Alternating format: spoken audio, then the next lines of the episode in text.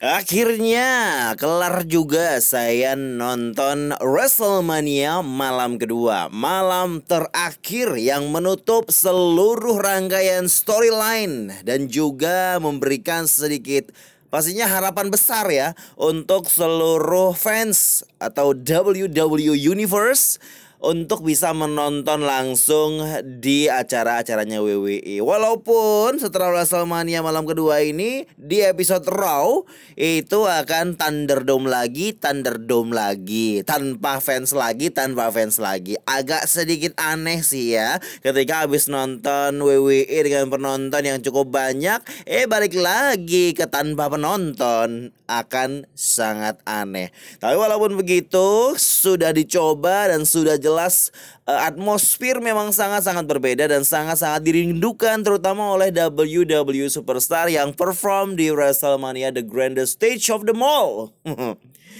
Dan di malam kedua ini di highlight dengan matchnya Triple Threat Main Event uh, untuk Universal Championship antara Daniel Bryan, Edge dan juga Roman Reigns yang sudah kita tahu juga siapa pemenangnya ya. Dan acara WrestleMania malam kedua dibuka dengan sebuah match yang memang ditunggu-tunggu oleh banyak fans. Karena cerita ini sudah berlangsung sejak tahun 2020 di mana Randy Orton uh, sempat juga feud menuju ke match yang TLC di mana Randy Orton membakar The Fiend begitu ya.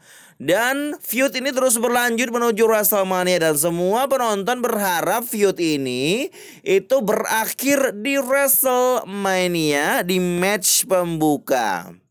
Sayang seribu kali sayang hasilnya mengecewakan. Mengecewakannya karena memang fans sudah berekspektasi tinggi terhadap kualitas dari matchnya uh, Bray Wyatt dan juga Randy Orton yang pasti akan sangat menarik. Atau mungkin hasil mengecewakan ini karena memang saat ini WWE belum terpikirkan konsep selain sinematik untuk match mereka berdua ini ya. Soalnya sebelumnya mereka match atau feud di Thunderdome terus dan matchnya dibikin ya ya kayak skenario begitu. Ada sinematiknya walaupun di ring begitu. Dan memang diakui, saya akui juga nonton opening dari matchnya ini dan di Orton lawan The Fiend itu memang pembukanya cukup signifikan, cukup mantap apalagi entrance dari The Finn. Diawali dari Alexa Bliss yang masuk begitu ya. Sebelumnya ada footage yang mana memperlihatkan The Finn yang bentukannya lumer, lumer, mencair begitu setelah dibakar waktu muncul di Fastlane waktu itu itu tiba-tiba masuk ke dalam suatu terowongan dan berubah menjadi Devin yang bersih. Devin yang seperti semula dengan topeng Yawi Wawinya. Kita semua nggak expect itu. Semua fans juga kaget melihat footage itu. Ini maksudnya apa dan apa yang terjadi? Saya saya jujur kecewa melihat eh, tiba-tiba topeng Devin berubah begitu aja tanpa ada cerita gitu loh. Tiba-tiba uh, sebuah topeng yang kita tunggu-tunggu topeng seram ini untuk bertanding di WrestleMania itu tidak jadi gitu. Yang kita lihat di WrestleMania ya ya topeng Yawi Wawi yang yang yang topengnya yang seharusnya udah hilang sekian lama begitu dan muncul lagi. Itu salah satu poin yang cukup mengecewakan. Mungkin dari banyak fans juga walaupun memang kaget ketika uh, uh, The Finn yang beneran yang yang fresh itu kembali lagi gitu. Terus entrance-nya Alexa muncul dengan uh, apa? Dengan uh, make up hitam di matanya yang cukup seram terlihat. Terus ada giant uh, magic box itu. Apa uh, apa sih itu namanya? Music box lah. Music boxnya ala ala Alexa Bliss. Diputar music boxnya seperti yang kita lihat muncul The Fin begitu aja dengan ya dengan topeng yang fresh bersih kayak tidak pernah terjadi apa-apa kebakarannya gitu loh. Padahal sudah padahal selama berminggu-minggu sudah di sell sudah disangat dijual. Kalau ini uh, sudah terlihat dampak dari apa yang sudah dihancurkan oleh apa yang sudah dilakukan oleh Randy Orton. Dan itu tidak di sell di match yang seharusnya dibuat untuk mengakhiri feud ini di WrestleMania Match ini harusnya bisa jadi spektakuler dan luar biasa karena ditunggu-tunggu. Mungkin fans harus curiga ketika uh, WWE menentukan WrestleMania di WrestleMania malam kedua ini match pembukanya The Finn sama Randy Orton. Karena ketika itu match pembuka biasanya ya harusnya ya harusnya bisa lebih spektakuler ya tapi namanya match pembuka kadang bisa jadi mengecewakan nah ini buktinya begitu dari beberapa review yang saya baca pun banyak yang kecewa jelas. Karena ya terlepas dari entrance yang bagus ya. Karena di match mereka yang berjalan singkat ini ya cuma gitu-gitu doang gerakannya sangat-sangat biasa. Finishnya pun hanya dilihatkan Alexa Bliss mengucur cairan tinta hitam di mukanya sambil tersenyum tersenyum kalau nggak salah ya. Itu membuat Devin terdistract, teralihkan perhatiannya dan membuat Orton bisa RKO dan dipin 1 2 3. Iya, gitu doang gitu loh. Kita seperti yang kita tahu bagaimana sangarnya Devin. Bagaimana sangarnya Devin gitu loh yang sebelum-sebelumnya ini tapi hanya Begitu doang kalahnya di WrestleMania lagi match pembuka. Memang ada muncul teori katanya itu kayaknya bukan Finn deh. Di cerita itu akan dilanjutkan mungkin kayaknya bukan Finn. Bodoh amat. Seharusnya feud ini yang cukup panjang berakhir di WrestleMania. Ya gak sih? Kita udah tunggu-tunggu ini sesuatu yang harusnya berakhir di WrestleMania. Ada konklusi paling enggak. Walaupun memang mau lanjutin tapi ada konklusi gitu loh dan jangan mengecewakan seperti ini begitu. Saya nggak marah karena saya ya ya ya ya komentar aja ya. Dan uh, memang uh, harusnya feud ini berakhir di WrestleMania, tapi memang kadang WWE itu kadang sudah punya proyek lain gitu loh. Karena mereka udah menyiapkan uh, feud feudnya ini berlanjut untuk kemudian mau match gimana gimana nya itu untuk pay per view berikutnya yang akan datang lima minggu lagi di WrestleMania Backlash. Namanya sekarang bukan backlash aja ya, tapi WrestleMania Backlash biar ada sambungannya untuk uh, lanjutin WrestleMania-nya gitu. WrestleMania Backlash. Saya yakin ini akan terus berlanjut. Tapi walaupun kita kecewa, ya kita akan terus akan menyaksikan bagaimana Alexa dan Finn uh, berjibaku untuk uh, menggoda dan uh, mengganggu Randy Orton lagi begitu. Dan uh, di sisi lain dengan uh, teralihkannya perhatian Devin ini membuat kita berspekulasi kalau kayaknya Alexa Bliss itu adalah kelemahannya dari Devin.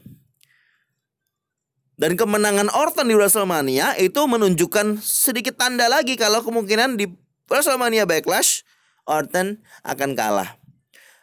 Saya ngerekam ini pada saat sahur ya di sahur pertama bulan Ramadan tahun ini. Selamat menunaikan ibadah puasa buat teman-teman ya.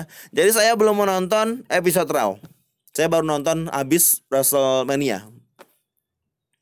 Begitu. Cukup kecewa untuk match pertama. Ini low pointnya dari WrestleMania di malam kedua. Jadi ini membuat malam pertama openingnya jadi bagus gitu loh. Karena dibandingkan dengan opening malam kedua. Sudah 8 menit ngomongin match pertama aja nih. Dan saya belum ucapin selamat datang teman-teman di podcast Suka Gulat. Podcast-podcast suka-suka gulat-gulat. Yang selalu konsisten untuk terus memberikan konten-konten, review-review dan lain sebagainya. Terima kasih buat selalu mendengarkan dan juga uh, mungkin ada kritik dan saran bisa disampaikan di DM ya. Kemudian match kedua di WrestleMania malam kedua tidak kalah mengecewakan. Setelah tag team turmoil yang dilaksanakan di malam pertama, pertandingannya tidak begitu baik. Ya, ya mengecewakan lah ya. Memang sudah sejak awal uh, dipilih orang-orang tag teamnya itu kayak digabungin orang digabungin digabungin, ya udah dimasukin kasih match di WrestleMania gitu. Dan pemenangnya dibawakan lagi, tampil lagi di malam kedua WrestleMania untuk melawan Tag Team Champions Women's yaitu menangnya Tamina melawan Natalia yang bukan jadi favorit untuk memenangkan. Orang senang ataupun menantikan yang menangnya uh, Riot Squad ya atau paling enggak yang orang suka Naomi sama Lana. Tapi yang nyatanya menang adalah Tamina sama eh, Natalia. Oke, orang banyak mungkin yang senang Natalia. Tapi siapa yang suka Tamina, Bro? bukan mendiskreditkan ya, tapi Tamina tidak cukup kuat ataupun bukan sebuah karakter yang memang sebelumnya besar gitu. Tamina ya dari dulu ya gitu-gitu aja begitu ya. Dapat sebuah uh, title shot itu di WrestleMania lagi. Jadi orang ya orang bodoh amat jadi ya nggak sih? Nggak begitu care lagi dengan match ini. Walaupun orang memang menantikan Nia Jax kan fansnya banyak. Baszler juga Natalia juga ya ya ya, ya, ya mau gimana lagi? Mereka sudah diberikan sebuah match untuk tag team championship. Dan jadi kesannya karena yang menang ini ya ya retain mereka tag team championshipnya tetap Shayna sama Naya. Jadi menunjukkan apa pentingnya tag team turmoil ini gitu loh. Mereka sudah berusaha nge-feud nge-feud nge-build up nge-build up dari SmackDown hanya untuk mendapatkan pemenang yang kalah gitu aja dengan match yang so-so biasa aja begitu. Ya Tamina memang uh, diusahakan ya untuk WWE ini dari kreatif mengusahain dia biar disukai fans gitu loh dengan memberikan dia performa yang cukup baik dan juga dia Tamina juga ya nggak ada yang salah dengan Tamina yang performanya ya dia sebagai seorang pukulan ya bagus-bagus aja gitu loh. Tapi yang seperti saya bilang tadi karakternya tidak cukup kuat karena track recordnya ya begitu-begitu aja begitu. Ketika Tamina berhasil memberikan move besar mengangkat Nia Jax tapi ujungnya kalah ya juga percuma gitu loh untuk apa nge-build up Tamina dari awal ketika dia akan dikalahkan juga gitu. Orang expect ini akan ada perubahan champion karena memang cukup lama juga ya Nia Jax sama Baszler menang. Eh, tapi ketika Tamina sama Natalia yang menang di tag team turmoil, orang juga jadi udah tambah gak peduli lagi yang menang siapa gitu loh. Pas Natalia sama Tamina cukup berjibaku untuk melawan Nia Jax sama Shayna memang cukup ya ya boleh lah ya ada usahanya gitu. Tapi tetap aja kalah gitu loh. Jadi menurut saya tidak penting ini tag team turmoil dibikin terus dibikin tag, tag champions itu. Kenapa tag team turmoilnya ditiadakan aja terus tag uh, women's tag team championsnya ada di naik per, nah, malam pertama dan malam kedua dibikin Andre the Giant Memorial Battle Royal gitu loh. Iya gak sih? Bagusnya kan begitu. Tapi sepertinya memang WWE bertujuan untuk memperbanyak cewek juga. Karena porsi cewek itu kalau nggak ada tag team turmoil sangat-sangat sedikit sekali. Menurut sebagian orang, terutama Carmela yang bersuara waktu itu terkait hal ini. Katanya belum nggak cukup ini matchnya cuma cewek cuma satu single di malam pertama satu single di malam kedua terus tag team mau dibikin. Terus ditambahlah tag team turmoil dan Carmela terlibat. Ya nggak ada nggak ada untungnya juga Carmela. Ya nggak ada poinnya juga dari match ini. Jadi dapat saya simpulkan WrestleMania malam kedua dibuka Eh, WrestleMania tahun ini di malam pertama dan malam kedua cukup mengecewakan untuk pembukanya. Saya nggak bilang malam pertama itu uh, Drew McIntyre itu sama Bobby Lashley itu mengecewakan, nggak performanya lumayan bagus. Cuma kan sebelum itu ada weather delay, ada thunderstorm, ada hujan deras, ada petir juga yang membuat ditunda. Nah itu opening yang yang mengecewakan ya. Ya memang bukan karena WWE juga, karena cuaca juga. Tapi malam kedua, walaupun nggak ada cuaca, dua match di pertama sudah mengecewakan.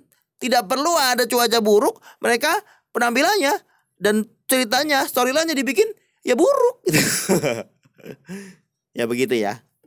Itu pendapat saya pribadi. Ya, pahamlah maksud saya ya. Kita lanjut ke match berikutnya. Match yang bisa dibilang cukup menarik ya.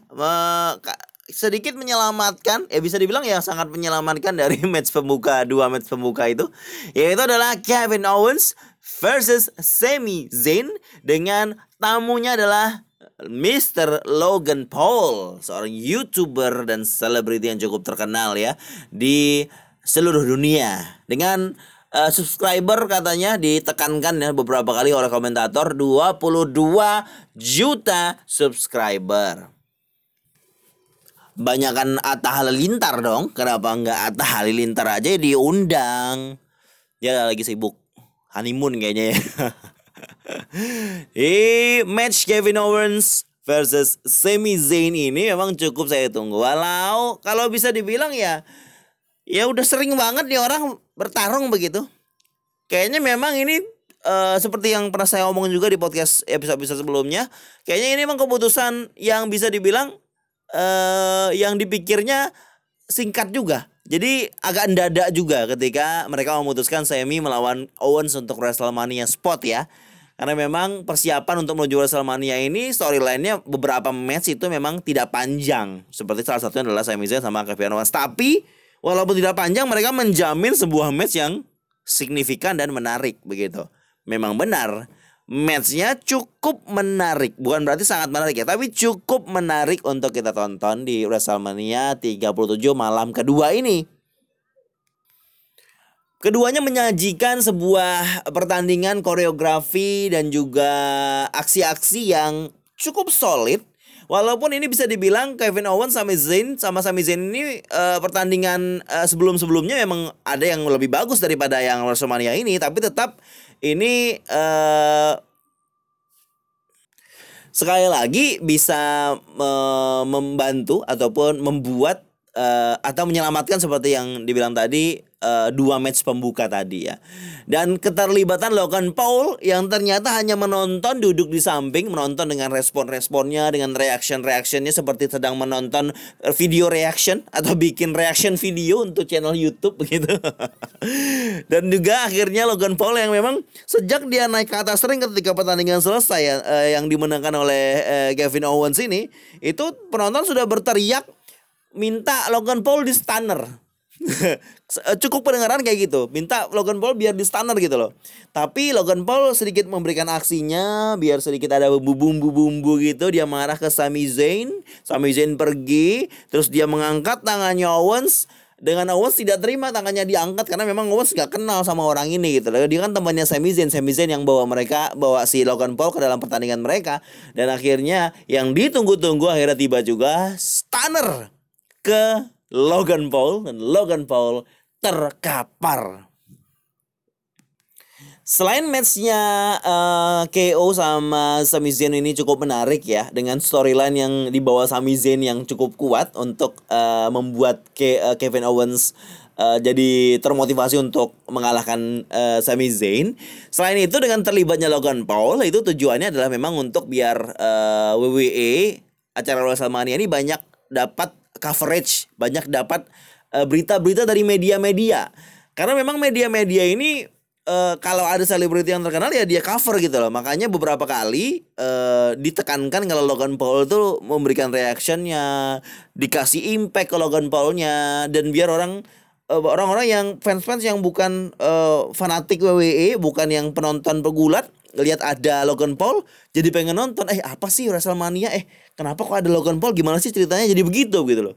Lah emang emang ya itu tujuannya. Tujuan dari awal dibawa si Logan Paul ini walaupun dia tidak punya match kayak Bad Bunny. Bad Bunny lain ceritanya walaupun memang tujuannya emang ya secara garis besar sama ya untuk membuat mata dunia uh, semakin banyak yang menyaksikan ataupun uh, kenal dengan apa yang terjadi di WWE terutama di WrestleMania 37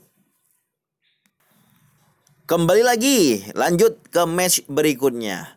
Malam kedua WrestleMania dilanjutkan dengan pertandingan United States Championship match antara Riddle, the original bro, melawan the Celtic Warrior Sheamus. Ini merupakan sebuah match dengan dengan storyline yang cukup terburu-buru begitu ya. Karena mungkin biar si Riddle dapat match gitu. Tapi walaupun begitu Sheamus sama Riddle berhasil deliver di atas ring, berhasil memberikan performa yang cukup uh, keren ya untuk kita saksikan. Walaupun ada beberapa ya pleset-pleset dikit lah, seperti salah satunya White Nose yang mau di atas ring tapi uh, Sheamus terjatuh. Akhirnya dia White Nose di bawah aja ditambah uh, splash dari atas begitu ya. Tapi uh, ini sebuah performa yang cukup uh, baik dari kedua belah pihak, dari baik dari Riddle dan juga Sheamus ya dan uh, banyak orang yang tidak beranggapan kalau uh, Riddle akan kalah di match ini. Karena sepertinya memang ini sebuah storyline yang ditambah-tambah gitu doang ya. Dan dengan penonton yang gak expect kalau Riddle kalah dan Riddle kalah ternyata dan uh, uh, Sheamus jadi uh, tiga three times kalau nggak salah ya. Three times US champ. Ini membuat penonton jadi memperbincangkan hal ini gitu loh. Ini jadi bahan perbincangan. Jadi setiap perpindahan champion pasti akan jadi bahan perbincangan begitu. Dan tidak ada tidak tidak ada yang yang bisa dibilang tidak ada banyak hal yang bisa kita bicarakan dari matchnya Riddle sama uh, Sheamus ini. Karena walaupun mereka udah berusaha sedemikian rupa, memang sudah memberikan performa yang sangat mantap gitu ya. Mereka saling berjibaku tapi memang e, diperlihatkan kalau Sheamus yang yang yang lebih baik daripada Riddle dalam match ini. Ini memang e, matchnya bisa dibilang secara deskriptif ya, itu simple tapi efektif. Menarik ya, menarik juga menurut saya.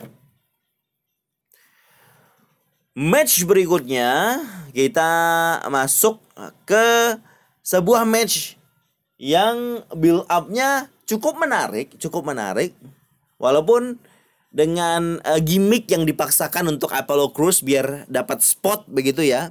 Tapi ya dengan ditambahkan gimmick Nigerian drum fight untuk Intercontinental, Intercontinental Championship-nya si Biki melawan Apollo Crews.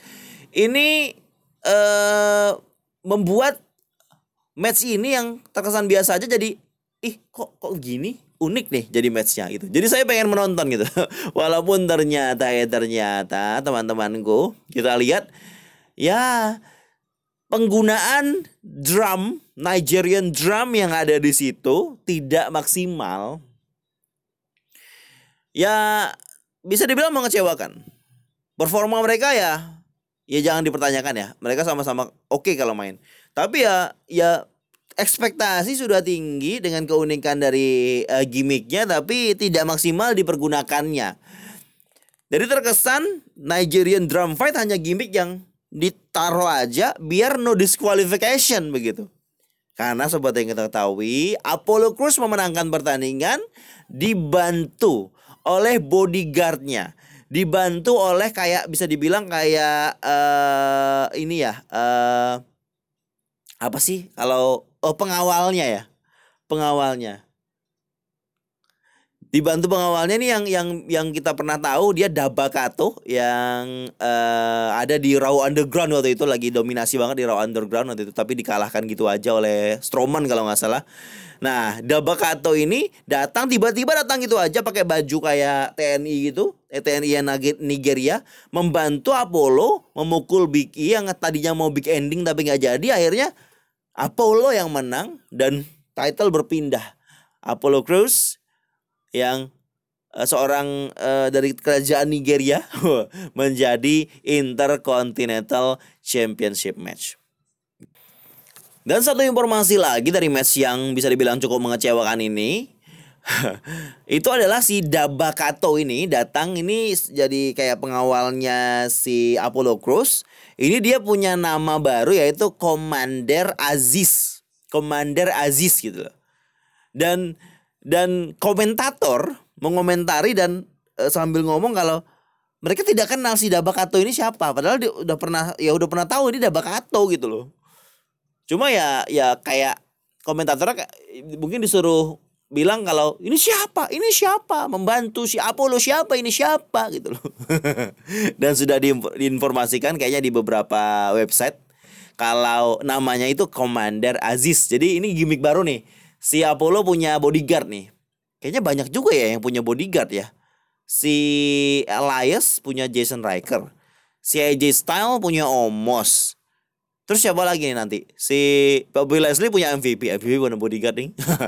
ya kayaknya akan ada bodyguard-bodyguard lain deh nih samping mereka ya untuk ya untuk mengamankan posisi mereka di storyline begitu. Tapi yang jelas uh, kesimpulannya dari Intercontinental Championship ini Nigerian Drum Fight adalah gimmick yang hanya kedok belaka untuk uh, membuat Apollo Crews menang dengan bantuan dan uh, karakter heel yang dibentuknya. Jadi memang WWE ini punya track record tidak baik juga terkait tentang memberikan nama ataupun gimmick sebuah match ya. Dibikin, dibikin di Nigerian drum fight yang hanya pajangan aja itu drumnya itu cuma pajangan dan yang dipakai itu kendo stick bro. Kenapa nggak ada bikin kendo stick eh Nigerian kendo stick fight? Yuk lanjut ke match berikutnya Yaitu ini cukup highlight juga nih Yang ditunggu juga nih Rhea Ripley Yang melawan Asuka Yang kita tahu Rhea Ripley tadinya nggak dimasukin di sini Karena uh, masalah dengan Charlotte Jadi Charlotte dikeluarkan Alhasil Ripley yang masuk Ini keputusan WWE ya, murni keputusan WWE. Dan uh, orang juga expect kalau kayaknya Ria bakal menang karena tahun kemarin di WrestleMania dia udah kalah ya untuk NXT title-nya dia. Kayaknya dia bakal menang. Orang ekspektasi itu dan Ria juga fan favorit. Tapi orang bukan berarti orang nggak suka sama Asuka. Asuka juga orang suka. Performanya pasti luar biasa. Ya memang uh, si Asuka dan juga uh, Rhea Ripley berhasil memberikan performa yang cukup luar biasa walaupun tidak bisa mengalahkan performanya Sasha Banks dengan Bianca Belair ya. Tapi dia sanggup, mereka berdua sanggup memberikan performa yang bisa dibilang uh, cukup layak untuk bisa dimasukkan ke dalam uh, uh, sebuah match yang disenangin ataupun uh, diberikan rating yang cukup baik oleh penonton ataupun fans begitu. Harus kita akui kalau uh, masanya Asuka menjadi Raw Women's Champion ya bisa dibilang uh, cukup nggak uh, adil ya. Karena ketika Asuka jadi champion ini storyline yang difokuskan adalah si uh, Lana sama Nia Jax, Nia Jax yang uh, banting Lana ke meja. Fokusnya waktu itu Ric Flair sama Lacey Evans lawan si Charlotte gitu loh. Dan itu kayaknya ada jadi bumerang juga buat WWE. Si Charlotte akhirnya keluar dari storyline. Terus uh, ya sebelumnya Lacey Evans ternyata pregnant atau hamil begitu. Ini membuat seorang Rhea Ripley mendapat kesempatan yang hanya datang debut lama nggak muncul gitu ya debut tunjuk WrestleMania sign dapat match di WrestleMania 37 dan ini bisa jadi harusnya ini jadi kayak bisa dibilang uh, permintaan maaf permintaan maafnya WWE ketika membuat Rhea Ripley kalah dari Charlotte dan menghilangkan momentum setelah itu gitu loh akhirnya ini kayak balas ya ini ini seperti kayak uh, ini uh, apa? Apa sih bahasanya tuh? Ini yang jadi sesuatu untuk balas budi mungkin ya. Atau uh, hadiah lah dari WWE di mana ya WWE ngerasa bersalah mungkin ya. Mungkin aja ini ini teori aja ya teori saya aja ya. Dan jelas walaupun hanya sebuah simple storyline yang tunjuk uh, challenge accepted ya jadi sebuah match. Dan di matchnya pun cukup dinantikan di mana Suka kita tahu bagaimana performa Suka kalau bertanding. Dan Rhea, Ripley juga pasti memberikan performa yang sangat luar biasa. Dan alhasil ini sebuah match highlight untuk WrestleMania malam kedua ini. Dan WWE memberikan finish ataupun kemenangan kepada orang yang tepat begitu ya. Di mana kalau kalau misalnya suka lagi yang menang, walaupun ya ya ya kita nggak benci ya suka ya. Tapi kalau suka lagi yang menang setelah sekian lama, ya eman-eman. Ini ini saatnya orang baru, orang baru mendominasi. Ini saatnya orang baru menunjukkan tajinya gitu loh. Jangan Charlotte lagi, Charlotte lagi, Bailey lagi, Sasha lagi gitu loh. Bianca udah malam pertama dapat ya. Saatnya sekarang Rhea Ripley, wajah baru untuk Women's Division di WWE. Ini adalah angin segar dan juga sebuah uh, sebuah tujuan yang memang diinginkan oleh banyak fans gitu ya. Rhea Ripley memang jadi fan favorit ya atau apalagi performanya ketika di NXT Bianca Belair pun juga jadi fan favorit di mana berhasil memberikan performa yang sangat luar biasa di malam pertama. Dan Sasha pun bangga sama temannya Bianca Belair ini. Banyak reviewers bilang di websitenya ketika mereview WrestleMania malam kedua ini katanya uh, ini keputusan yang tepat untuk WWE memberikan uh, The Nightmare atau Rhea Ripley kesempatan untuk jadi uh, WWE Raw Women's Champion. Kayak gimana nih? Uh, masa-masa dia memimpin, masa-masa dia menjadi champion, apakah akan uh, bisa dibilang membuat feud-feud baru dan dipergunakan secara bijak, dipergunakan secara maksimal gitu loh. Jangan disia-siakan begitu aja.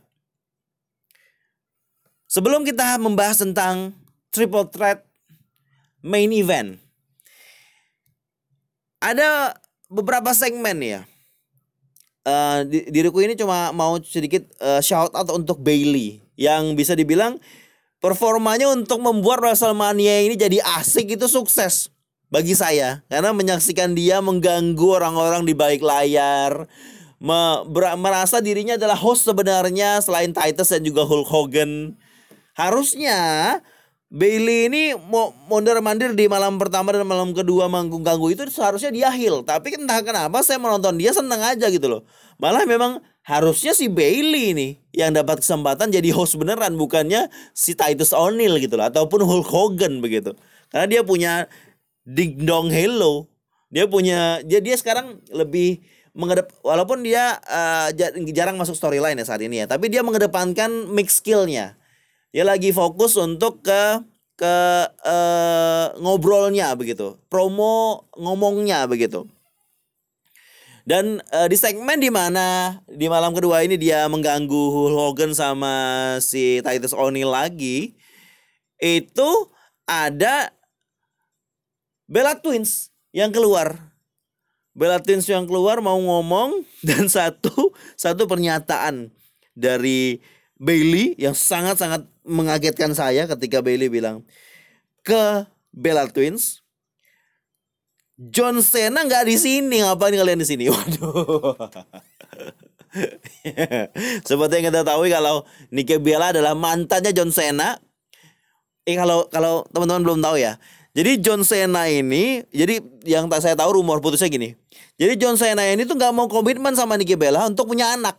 Makanya Nikki Bella putus sama John Cena Walaupun John Cena sudah ngelamar dia di panggung WrestleMania waktu itu gitu lah ya. Waktu lawan Demis sama Paris itu. Jadi Nikki Bella ini mengungkapkan kalau John Cena ini nggak punya komitmen untuk punya anak padahal Nikki Bella pengen hamil begitu. Itulah mengapa Nikki Bella sudah punya pacar baru langsung hamil. Begitu. Akhirnya John Cena cari yang lain. John Cena belum siap jadi seorang ayah begitu ya. Walaupun sudah tua ya mau ya begitulah ya. Nah, kita balik lagi ke segmen ini di mana ketika Bailey bilang itu John Cena nggak di sini. Wah, si Nikki Bella marah sekali dong. Ditamparnya akhirnya Bella Twins uh, menghajar Bailey dan melempar Bailey ke entrance ramp di di jalan entrance itu dan membuat Bailey terguling. Sayangnya, ini harusnya momen babyface melawan heel ya. Harusnya babyface mukulin heel, heelnya dilempar, harusnya penonton bersorak-sorai senang. Eh, seperti yang diketahui di Bella Twins dibu, Bro. Udah Titus sama Hukan dibu, Bella Twins juga dibu. Nah, dibunya begitu menjadi build up yang dibuat Bailey dari malam pertama mungkin dari sebelum WrestleMania itu gagal. Harusnya mungkin kalau ingin menyelamatkan uh, Bailey dalam segmen-segmen demi segmen yang ada di WrestleMania ini dengan memberikan orang bukan Bella Twins tapi Becky Lynch. Bayangin kalau Becky Lynch yang uh, di selain Bella, yang yang yang yang muncul gitu loh. Bukan Bella Twins, pasti build up ini akan sangat-sangat fenomenal dan sukses. Menurut fans dan banyak reviewers, segmen ini di mana Bailey yang sudah berusaha dari malam pertama build up build up kalau dia host dan segala macamnya itu gagal dengan Bella Twins yang dibu oleh penonton di Raymond James Stadium. Tibalah saatnya kita bahas ya tentang main event triple threat match Spear versus Spear versus Daniel Bryan. awalnya saya menduga ketika ini ditentukan jadi triple threat ditambah Daniel Bryan di sini, kemungkinan Edge akan menang. Karena Edge akan ngepin Bryan, menang champion tanpa ngepin Roman, Roman akan terlihat strong. Tapi saya salah dan mungkin banyak fans juga salah menduga. Ternyata Roman Reigns retain dengan sangat sangat uh, menunjukkan dominasinya begitu. Dia menumpuk Brian dan Edge di atasnya dan mengunci mereka berdua. Luar biasa. Walaupun ya kita tahu si Roman Reigns menang dengan bantuan Jey Uso, the right hand man. Jey Uso sangat membantu sekali. Walaupun sampai dia keluar diangkut gitu sama tim medis, terus dia balik lagi ngajar lagi. Match mereka bertiga ini udah luar biasa juga.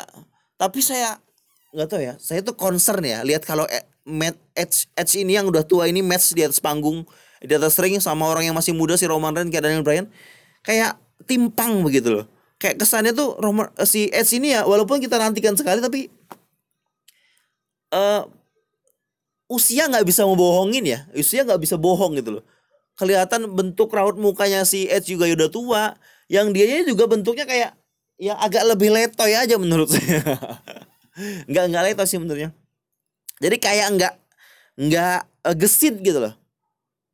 Performa itu nggak kayak kayak nggak gesit gitu loh di WrestleMania uh, main event ini gitu loh dibandingin Brian sama Roman ya. Tapi ya jelas ya uh, Edge memang sudah jauh lebih tua. Tapi bukan bu, bukan berarti Edge tidak berusaha sedemikian rupa membuat matchnya menarik. Dan sekali lagi uh, kursi digunakan banyak sekali di sini ya. Beberapa barang juga digunakan karena triple threat match itu tidak ada disqualification. Keterlibatan Jey Uso juga jadi pertanyaan banyak fans gitu loh. gak adil dong ini gak adil ya namanya heel. Namanya heel ya ya susah kalau kalau menang tanpa bantuan gitu loh. Heel itu menang harus curang gitu loh. Jadi konsepnya heel itu kalau dia menang terus dengan curang, ketika ada orang menang lawan Hill ini dengan segala kecurangannya bisa dia kalahkan itu akan jadi kemenangan yang sangat spektakuler makanya kayaknya memang uh, Vince masih mau mau menyimpan uh, konsep ataupun karakter Tribal Chief ini untuk Roman Reigns begitu ya dengan Roman Reigns tetap menang Coba bayangin kalau Edge yang mana. Oke, kita dapat spektakulernya, dapat happy ending untuk WrestleMania 37 tahun ini, tapi setelah itu apa? Setelah itu Rain nggak ada champion apa gitu. Kayak kosong gitu bahunya itu kayak aneh aja Tribal Chief seperti Roman Reigns bahunya kosong gitu. ya tahun ini jelas kita tidak dapat happy endingnya. The Hill atau uh, Roman Reigns yang sebagai heel retain kembali lagi menjadi champions universal universal champions di acara SmackDown. Dan matchnya saya akui match of the night. Best of the night. Bukan best of WrestleMania malam satu dan malam dua ya. Tapi best untuk malam kedua. Dan uh, dan menurut pendapat saya pribadi dari keseluruhan WrestleMania yang paling mantap itu uh, bisa dibilang ya ya ya menurut saya ya, ada tiga ada tiga dan semuanya ada di match malam pertama yang ketiga nih nggak ada urutannya ya pokoknya tiga lah si matchnya ini Bad Bunny uh, lawan The Miz Morrison, Bad Bunny, Damian Priest lawan Miz Morrison. Terus matchnya Cesaro sama Rollins dan yang ketiga match matchnya Sasha sama Bianca. Itu the best of WrestleMania. Kalau ada empat ya yang keempatnya ini triple threat matchnya si Edge, uh, Reigns sama Daniel Bryan.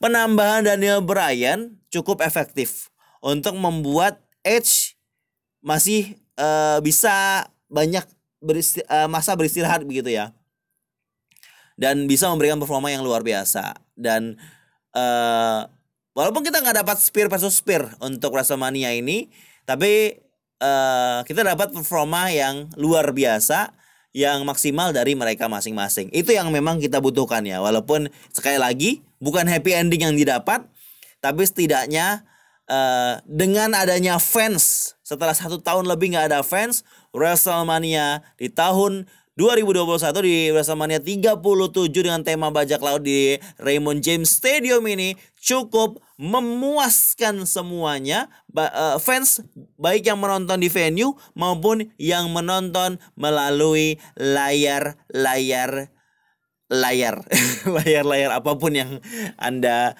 eh, teman-teman pilih untuk tonton begitu ya. Terima kasih buat semua yang sudah mendengarkan podcast ini. Semoga kita akan terus lanjut dan konsisten untuk melanjutkan pembahasan WrestleMania eh pembahasan WrestleMania pembahasan gulat profesional di kemudian hari. Terima kasih sudah mendengarkan podcast suka gulat. Teng teng teng.